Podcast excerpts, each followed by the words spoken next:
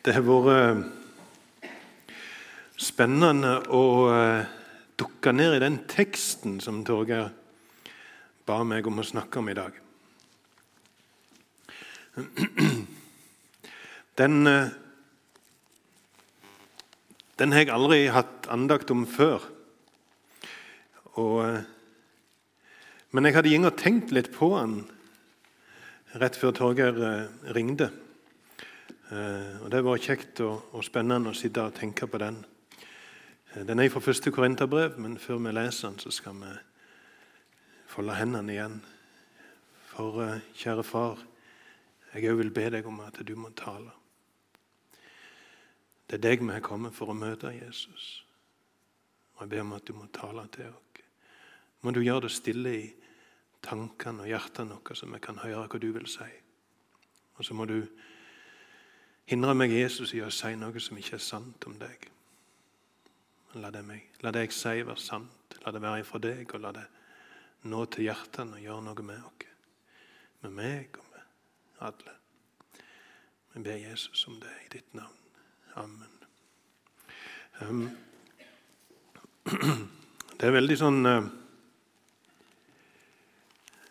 paradoksalt at jeg skal stå og snakke om å springe på idrettsbanen. Eh, for det er noe jeg ikke gjør mye. Eh, vi skal lese fra 1. Korinterbrev, kapittel 9. Eh, det er Paulus som skriver til menigheten i Korint, og så sier han fra vers 24.: Vet dere ikke at de som løper på idrettsbanen, de løper alle, men bare én får seiersprisen. Løp da slik at dere kan vinne den. Enhver som deltar i idrettstevling, er avholden i alt. De altså for å vinne en forgjengelig krans, men vi en uforgjengelig. Så løper jeg da ikke som på det uvisse, jeg kjemper ikke som en som fekter i løse luften, men jeg undertvinger mitt legeme og holder det i trelldom for at jeg som forkynner for andre, ikke selv skal finnes uverdig. Dette er en lignelse. Vi er gjerne mest vant med at det er Jesus som bruker lignelser. Eh, men, men, Paulus gjør det, han òg. Men han bruker litt, litt andre typer lignelse. Men det er en lignelse, og, og, når vi skal se nærmere på en lignelse, så er det lurt å tenke på at en lignelse har ett poeng. Ehm, vi kan ikke liksom bare begynne å tolke og legge på lag på lag med, med, med, med betydning og budskap i en lignelse, for en lignelse har som regel ett hovedpoeng. Det er ett poeng som, som en vil ha fram med den lignelsen. Ehm, og Grunnen til at jeg sier det, det er at som regel når vi snakker om en konkurranse, en idrettstevling, noen som er på en idrettsbane, da konkurrerer de mot andre. Men når vi ser når Paulus skriver her, så snakker han egentlig ikke om å konkurrere mot andre mennesker. Og Dette er en, en lignelse, dette er et bilde som Paulus bruker flere ganger. Um, og Hvis vi studerer det, så ser vi at han, han snakker aldri egentlig om å konkurrere imot andre, om å utkonkurrere andre, om å bli bedre enn andre. Det er ikke det det handler om. Selv, selv i denne teksten der Paulus sier de løper alle, men bare én får seiersprisen. Løp da slik at dere kan vinne den, så betyr ikke det du må slå de andre. Det, det er ikke det som er poenget hans. Poenget er å yte en innsats.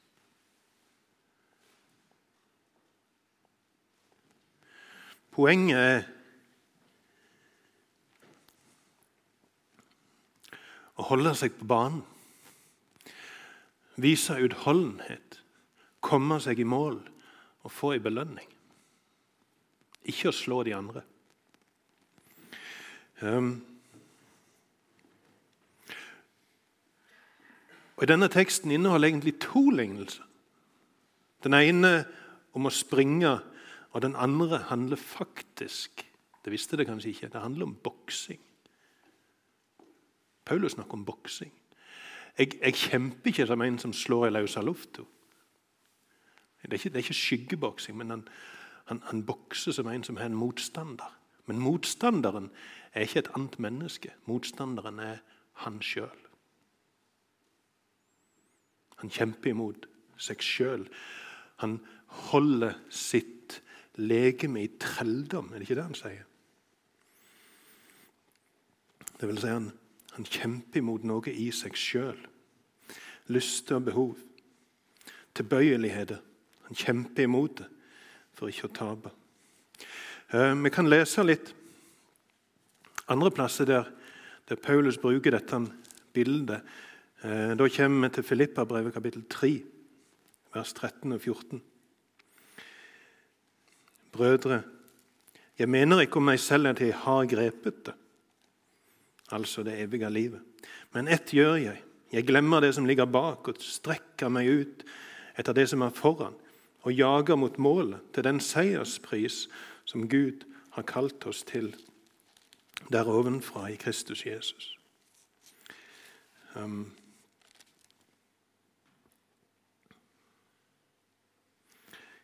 og videre La oss da, så mange som er fullkomne, ha dette sinn.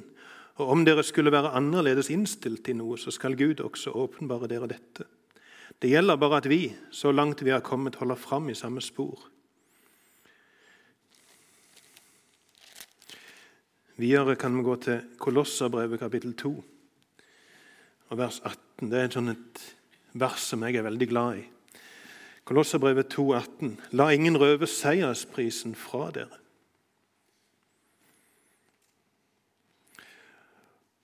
Om noen prøver på det ved ydmykhet og engledyrkelse, idet han gir seg av med syn og blir oppblåst uten grunn av sitt kjødelige sinn.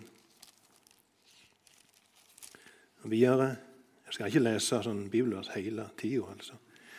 men jeg syns det var interessant å se på dette. 2. Timoteus brev, kapittel 4. Det er antagelig det siste brevet Paulus skrev. Han sitter i fengsel i Roma for andre gang. Og Nå vet han denne gangen ender det nok med en henrettelse. Og Så skriver han da et siste brev til Timoteus, medarbeideren sin som han er så glad i og setter så pris på.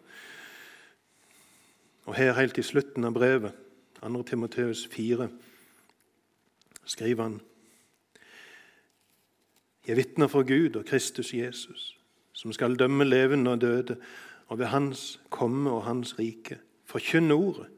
Vær rede i tide og utide. Overbevis, irettesett og trøst med all tålmodighet og lære. For det skal komme en tid der de ikke skal tåle den sunne lære, men etter sine egne lyster skal de ta seg lærere i mengdevis, ettersom det klør i øret på dem. De skal vende øret bort fra sannheten og vende seg til eventyr. Men vær du edru i alle ting. Li ondt. Gjør en evangelists gjerning. Fullfør din tjeneste.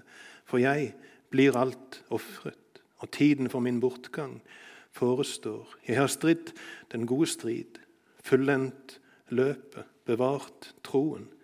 Så ligger nå rettferdighetens krans rede for meg, den som Herren, den rettferdige dommer, skal gi meg på den dag. Ja, ikke bare meg, men alle som har elsket Hans komme. Vi ser Dette er et bilde som Paulus bruker flere ganger. Han kommer tilbake til det igjen og igjen. Livet som en kristen som et løp på en idrettsbane. Og Jeg må innrømme, når jeg satt og tenkte på disse tekstene, husker de sånn vagt etter jeg har lest de tidligere, så tenkte jeg ah, poenget er å ikke gi seg. Hold ut. Kom deg i mål. Ikke slutt å springe. Det tenkte jeg var, var hovedbudskapet, liksom det eneste poenget som Paulus hadde. Og så så jeg, når jeg begynte å se på tekstene, og så spør jeg meg selv hva står det egentlig. Så ser jeg at Paulus har et poeng her som jeg ikke hadde oppfatta umiddelbart. Poenget hans er ikke la deg lure til å tenke noe annet om Jesus. Ikke la deg lure inn i ei vrange lære om Jesus.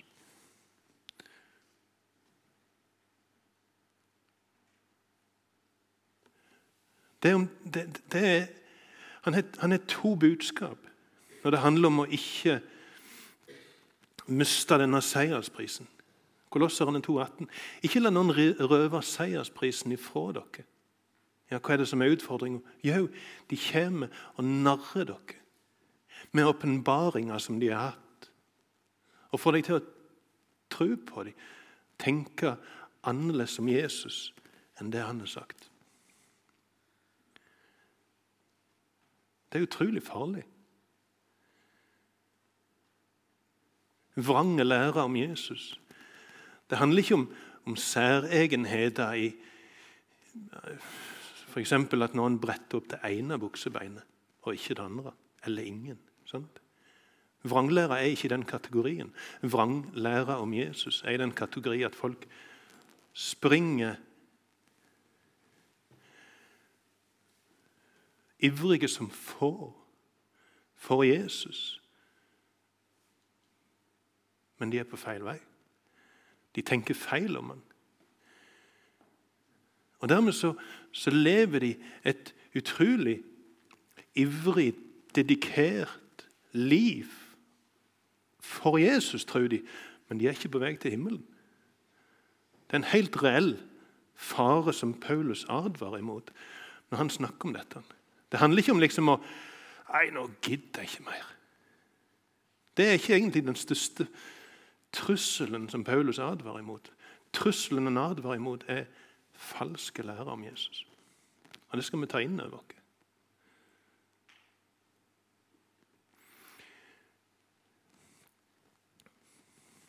Det nytter veldig lite å springe veldig fort hvis du springer feil vei.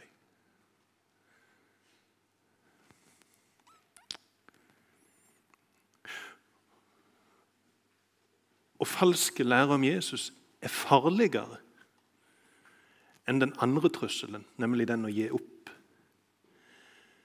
For den som tenker feil om Jesus, veit ikke sjøl at han er på feil vei. Han tror at alt er i orden. Stolt gjerne av seg sjøl fordi han er så, så ivrig. Og så veit han ikke at han er på feil vei.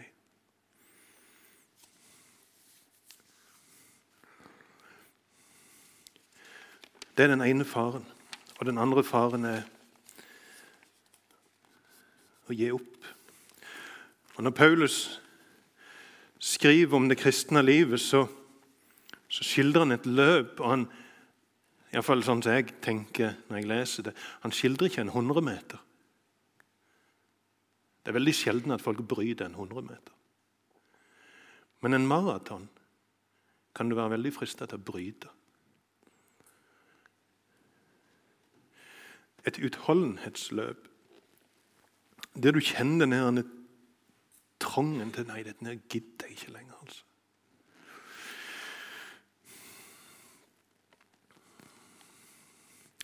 Og så utfordrer han noe på ikke bare å la å motstå fristelsen til å ta en annen vei, men òg å motstå fristelsen til å gi opp. Han utfordrer oss på å leve dedikert. Og jeg tenkte, hvis jeg spør dere i kveld Hvor mange av dere kan fullføre en maraton? Helt ærlig. Så ærlig som du kjenner deg sjøl, hvor mange kan fullføre en maraton? Hvor mange her inne kan fullføre en maraton? Vi sier du skal gjøre det på fem timer. 42 km på fem timer. Jeg ser ingen hender. Enten ydmykhet eller ærlighet. Jeg vet ikke. Noen av dere kan sikkert gjøre det, men jeg vil tro mange av dere hadde slitt med det. Men hvis når jeg sier jeg kommer tilbake her om et halvt år og jeg kommer til å spørre dere det samme spørsmålet, og om et halvt år, da er det ikke tull lenger. Livet deres vil, vil være avhengig av at det klarer en maraton 42 km på fem timer om et halvt år. Sant? Det skjønner det er bare tull, så ingen tar meg alvorlig. Men hvis det hadde vært det, hvis det hadde vært alvor Du visste at den 6. juli skal jeg springe maraton på fem timer eller mindre.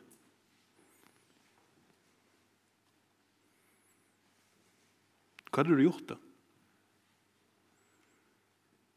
Hadde du gjort noe? Hva hadde du gjort i tida fram til, 7, til 6, 6. juli? Hadde det påvirka deg på noen som helst måte? Hadde det endra liksom, ting du snakker om? Hvem du snakker med? Hadde det endra noe på hva du gjør, hva du bruker tida di til, hva du, hva du bruker pengene dine på? Hadde det ikke vel? Så Plutselig hadde du gått rundt og sett etter springesko. Pigger, ikke pigger. Tunge Nei, det som var fancy. Det var litt tunge. Men se om vi finner noen som er lettere. Og Du har blitt veldig opptatt av hva er de beste springeskoene. Og Så finner du noen de koster 1500 kroner. Ja, ja, skitt på, jeg må ha dem. Sant? Og det hadde påvirka tidsbruken din. Du hadde, du hadde begynt å trene. Du hadde trent iherdig. For du visste at livet ditt var avhengig av at du klarte en maraton på fem timer den 6. juli. Det hadde påvirka hvem du snakket med. Du hadde begynt å henge i lag med de som kunne hjelpe deg til å springe fort. Du hadde, du hadde, du hadde begynt å sette pris på de som oppmuntra deg. De du kunne trene i lag med. Kanskje hadde du funnet deg en personlig trener. Og Paulus utfordrer oss. Spring sånn at du kan vinne seiersprisen. Og seiersprisen er himmelen. Ok, Hvordan skal jeg vinne himmelen? Ja, Den er som et løp. Livet er som et løp. Ikke en 100 meter, men en maraton. Han stiller utfordringer til deg når det gjelder utholdenhet. Ikke stil, først og fremst.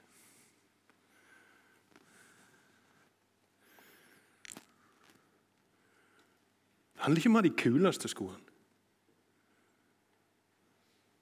Men det handler om å komme seg i mål. Og Et sånt et løp stiller krav til disiplin og knallhard prioritering. Det gjør at du forsager ting. Hvis det er noe som på en måte blir den store tingen, så forsager du ting. Ofre ting som står i motsetning til det som er den, det store målet ditt. Og Du ser det, på, du ser det hele tida. Idrettsutøverne som du ser på fjernsyn, de er utrolig dedikerte. Nå var det just en som satte rekord, norsk rekord i maraton. Hva gjør han? Ja, han, han bor i Afrika. Han bor på høgsletta i Kenya. For han tenker det er den beste plassen å bo hvis en skal bli god i maraton. Så han bare bor der, rett og slett. Springer rundt helt alene. For han vil bli god i maraton.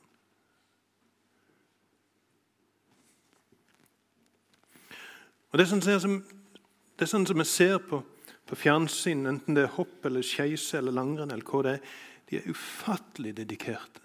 De tenker på idretten sin hele tida. Det styrer omtrent alt det de gjør. De ofrer utrolig mye, vil vi si, og sjøl vil de si det er verdt det. Så når Paulus utfordrer dere til å springe et løp, så utfordrer han dere samtidig til å ofre. Forsage. Og Folk rundt dere vil si du ofrer utrolig mye, og vi vil si det er verdt det. Det er verdt det.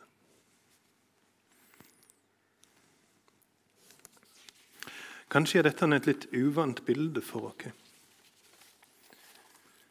For vi tilhører en tradisjon der det har vært vanlig å snakke om at det å være kristen er å ta imot Jesus som frelser. og Dermed så tar han synda. Du er rein, du er himmelen verdig, du har din sak i orden med Gud. Amen. Halleluja. Og det er sant. Men Paulus sier, snakker om ei annen side av saken.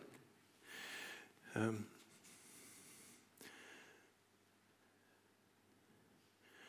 du har, du et løfte om himmelen. Gud, Gud, lover deg himmelen, Gud lover deg frelse. og Samtidig så sier han 'kjemp for det'. Høres det, høres det ut som en motsetning? Jeg lover deg himmelen. Kjemp for det. Det høres ut som en motsetning. Det er et paradoks, en tilsynelatende motsetning, men vi finner flere sånne. Gud lover noe, og så sier han direkte eller indirekte kjemp for det. Det høres litt merkelig ut. Jeg, jeg skjønner det ikke helt sjøl, men sånn er det. Og Paulus setter noen ting på plass her. Han sier indirekte det er et løp. Du er ikke på tribunen. Du er på banen. De store tingene som skjer i verden Du er ikke på tribunen, du er på banen. Du springer. Du er med. Du er ikke en, Det å være kristen er ikke å være på en flyplass med billetten i lommen, gå rundt på taxfree-en og vente på en stemme i høyttaleren som sier at nå er det tid for boarding. Ikke sånn det er å være kristen. Selv om det kanskje er et bilde som ubevisst preger oss litt. Får mest mulig ut av taxfree-en før flyet går. Det å være kristen er å være på banen. Det er et løp, en konkurranse. Og I Hebreabrevet er det snakk om ei ei sky av vitner. Og Forfatteren av Hebreabrevet sier at spring da frimodig, iherdig, for vi har sånn ei sky av vitner rundt dere. Og Jeg vet ikke helt hva han mener, det, mener med det, men jeg, en tolking er at englene og de som har reist før oss, de som har gått i døden før oss, er på en måte de er på tribunen. Du er på banen. Og de heier på deg i ditt kristenliv og dine kamper, dine seire og dine nederlag. Det gir et litt annet perspektiv på livet, syns jeg. Du sitter ikke og ser på viktige ting som skjer. Hundretusenvis, millioner av sjeler sitter og ser på deg og heier på deg i din kamp, i din hverdag. Så det er noe heroisk over det livet vi lever som kristne.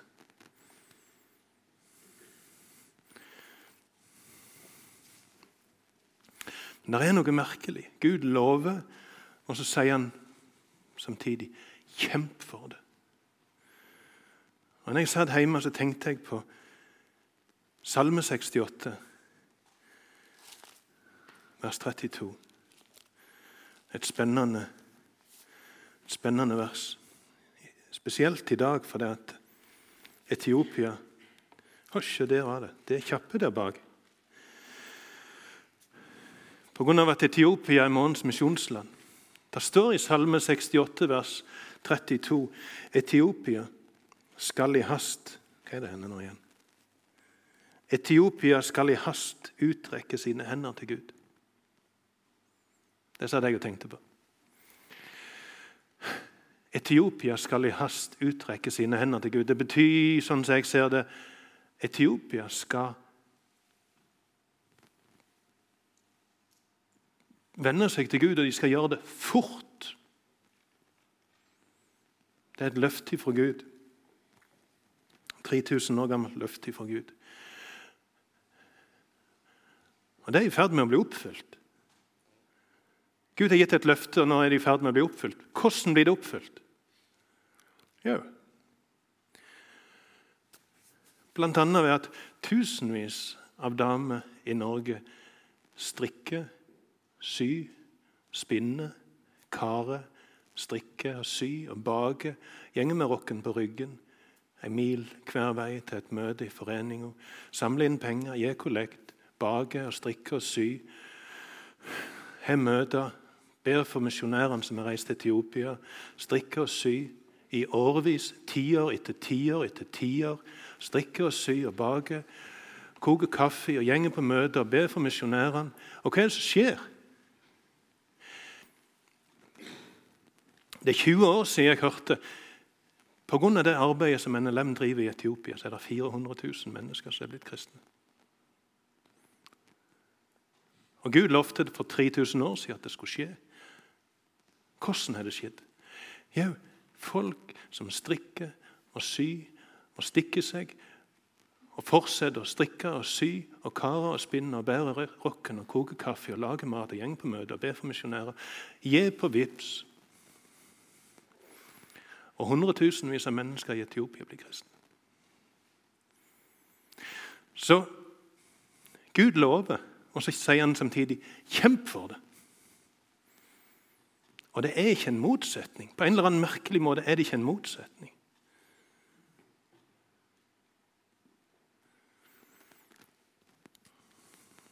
Det virker som en motsetning.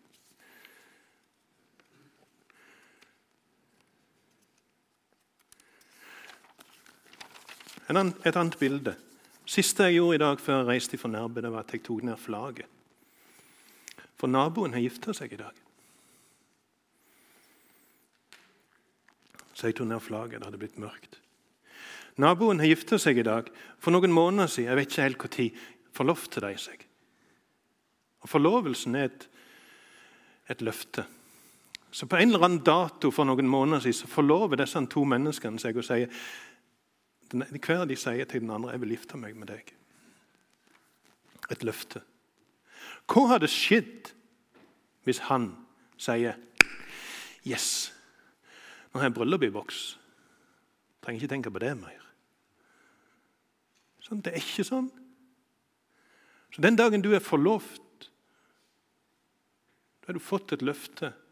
Og Samtidig så har du fått en retning. sant? Disse to menneskene har brukt disse månedene til å bli bedre kjent, mer fortrolig, lære mer om hverandre, lære bedre å ta hensyn til den andre. Sånn at i dag har de gitt hverandre et sånn et endelig ja. Hva hadde skjedd hvis han hadde sagt nå har jeg bryllup i boks? Nå kan jeg konsentrere meg om andre ting. Det er ikke sikkert dagen i dag hadde skjedd i hele tatt. Hun ville ikke ha han. Du ga meg et løfte, men det virker ikke som det betyr noe for deg.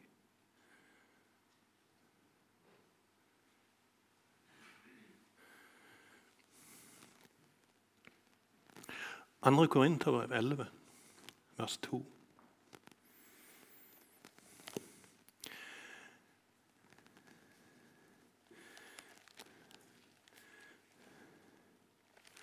Se her, jeg kan bare lese på skjermen. Kjappere det.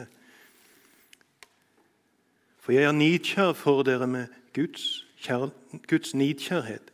Jeg har jo trolovet dere med én mann for å framstille en ren jomfru for Kristus. Så Paulus har, har trolova, forlova menigheten med Jesus. Livet som kristen er i forlovelsestid. Hvordan bruker vi? Liksom, Hooke av himmelen i boks. La meg tenke på andre ting. Eller jeg skal til himmelen. Jesus har sagt jeg kan få komme. Jeg må bruke dette livet til å bli godt kjent med ham. Det er ikke en motsetning, verken her på jord, mellom mennesker eller i forhold til Jesus. Det er ikke en motsetning mellom det å få et løfte og det å kjempe for det. For Når Gud gir et løfte, så gir han noe i retning. Kjemp for dette, for dette lover jeg deg. Hvis du kjemper for det, så vil jeg gi deg det.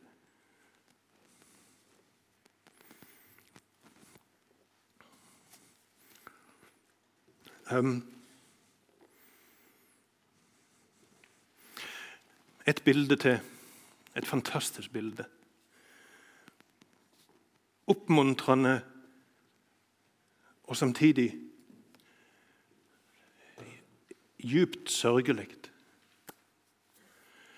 I det siste så har jeg sittet og lest litt om Josvas bok i Bibelen. Josva leder israelsfolket. De hadde, de hadde vandra i ødemarka under Moses. De hadde kommet fram til Jordan. Josva leder de over Jordan. Gud stopper vannet. Israelsfolket gjenger inn i Kanaan, løfteslandet. Og Gud sa til Josva og Gud sa til folket at dette landet vil jeg gi dere. Hvordan funker det? Hvordan, hvordan, hvordan skjedde det i praksis? Jo, De gikk over Jordan. Gud stoppet elva, så de kunne gå over. Gud gjorde sånn at muren rundt Jeriko datt ned. Men det som skjedde videre, det er at du får flere år med krig. Krig etter krig etter krig. Gud hadde lovt i dette landet, men de måtte krige for det. De måtte slåss for hver eneste meter av det landet som Gud hadde lovt dem. Så Hvis du vil ha en spennende utfordring, les Josvas bok og tenk dette er et bilde på meg og mitt liv som kristen. Jeg må slåss for hver meter. Ikke en kamp imot mennesker, ikke en kamp med sverd eller kniv eller rifle. Ikke en kamp for å på en måte drepe folk. Nei, nei, nei. Josvas bok er et bilde på mitt og ditt kristenliv. Det er en kamp imot fristelser, tilbøyeligheter. En kamp for å bli alt det som Gud vil at du skal bli.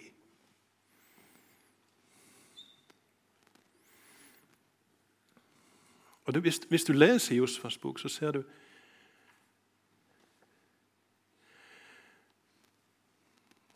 Det var folk i, mennesker i det, i det, i det folket som, som synda.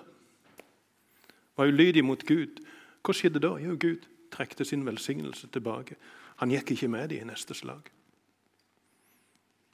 Og Josva søkte Gud, ba inderlig til han om, om hva er det som har skjedd. Hvorfor velsigner dere ikke? Og Gud sier det har bannlyst gods. Det var en som hadde tatt noe fra Jeriko.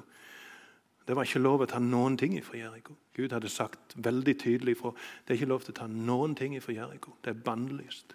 Ingenting av det skal finnes hos dere, men én tok noe. Og Dermed så trekte Gud sin velsignelse tilbake. Ikke ikke be om velsignelse ifra Gud hvis det er noen ting som du ikke vil innrømme. Hvis det er synd som du skjuler, går det ikke an å håpe på Guds velsignelse. En må på en måte gi han det. Så langt vi kjenner oss sjøl. Gi han alt det som strir imot han. Og så ser vi videre Folket slåss. Gud er med dem. De vinner seier etter seier etter seier. Men etter hvert, etter hvert som årene går, så blir de trøtte av dette. Trøtte av å slåss. Så begynner de å gå litt på kompromiss med de andre som bor i landet. De velger heller leve et komfortabelt liv, slå seg ned og ta livet med ro i plassen for disse stadige krigene. Og Det er en fare for oss alle. Det er sånne fristelsene som plager oss. Så er det ikke mer enn at vi har klart liksom å hanskes med én, og så kommer det en ny. Så, hele tida. Kjenner dere det? Det gir seg aldri. Josvas bok forteller oss det går an ved Guds hjelp å vinne over fristelser. Vinne over sånne noen trasige tilbøyeligheter som vi har. Men det vil hele tida komme nye. altså. Du må ikke tro at du blir ferdig noen gang. Men du er utfordra til å fortsette kampen.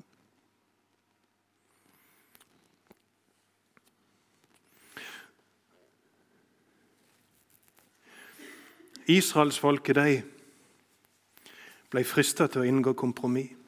De brøt av kampene. Så slo de seg til ro med ei halvveis erobring av det landet som Gud hadde sagt han ville gi dem.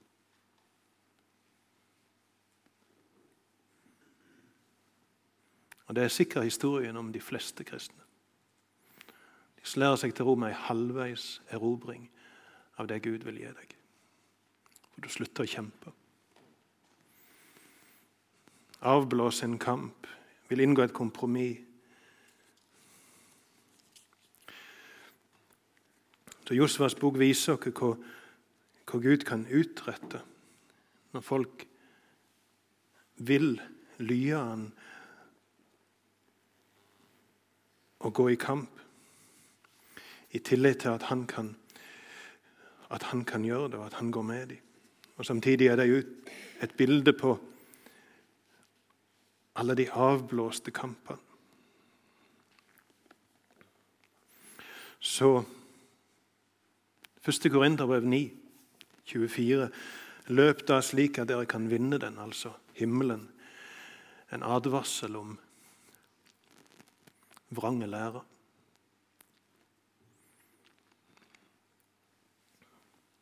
Spør deg sjøl ifra tid til annen er Salem en plass der jeg lærer å bli glad i Jesus og glad i Bibelen.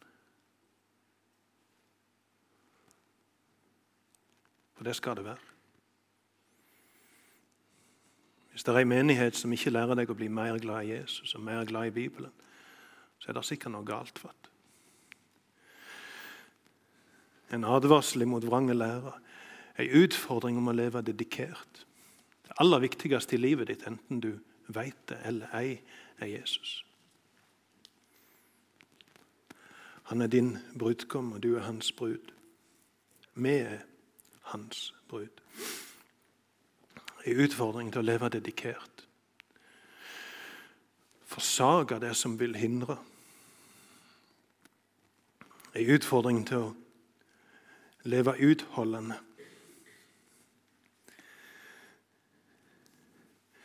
Og kanskje en utfordring til å se at de andre òg er med i et løp. De andre òg skal vinne fram. Og så kan vi heie hverandre fram i løpet, fram imot himmelen.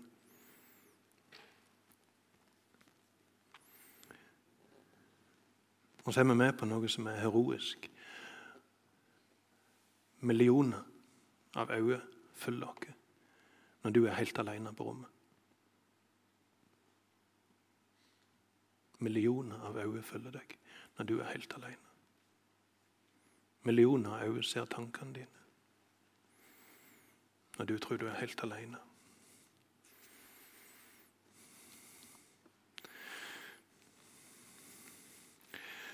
Vi er med i et løp. I et løp går det an å dette. Det er, helt, det er, helt, det er faktisk Det er ingen som blir diska i maraton fordi at de datt. Men hvis ikke de reiser seg, så kommer de ikke i mål. Så det går an å dette. Og du er utfordra til å reise deg igjen og springe videre. For vi er på vei for å møte en som kan tilgi. Han lover deg himmelen og sier samtidig 'kjemp for han'. Takk, kjære Jesus, at vi en dag skal få møte deg, at du kaller oss til deg, at du tilbyr oss himmelen gratis.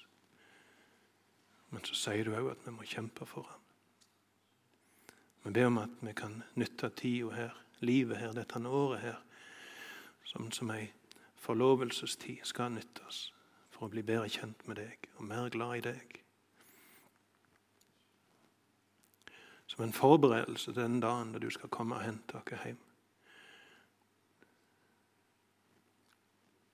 Hjelp oss òg til, til, å se rundt dere på de andre som springer.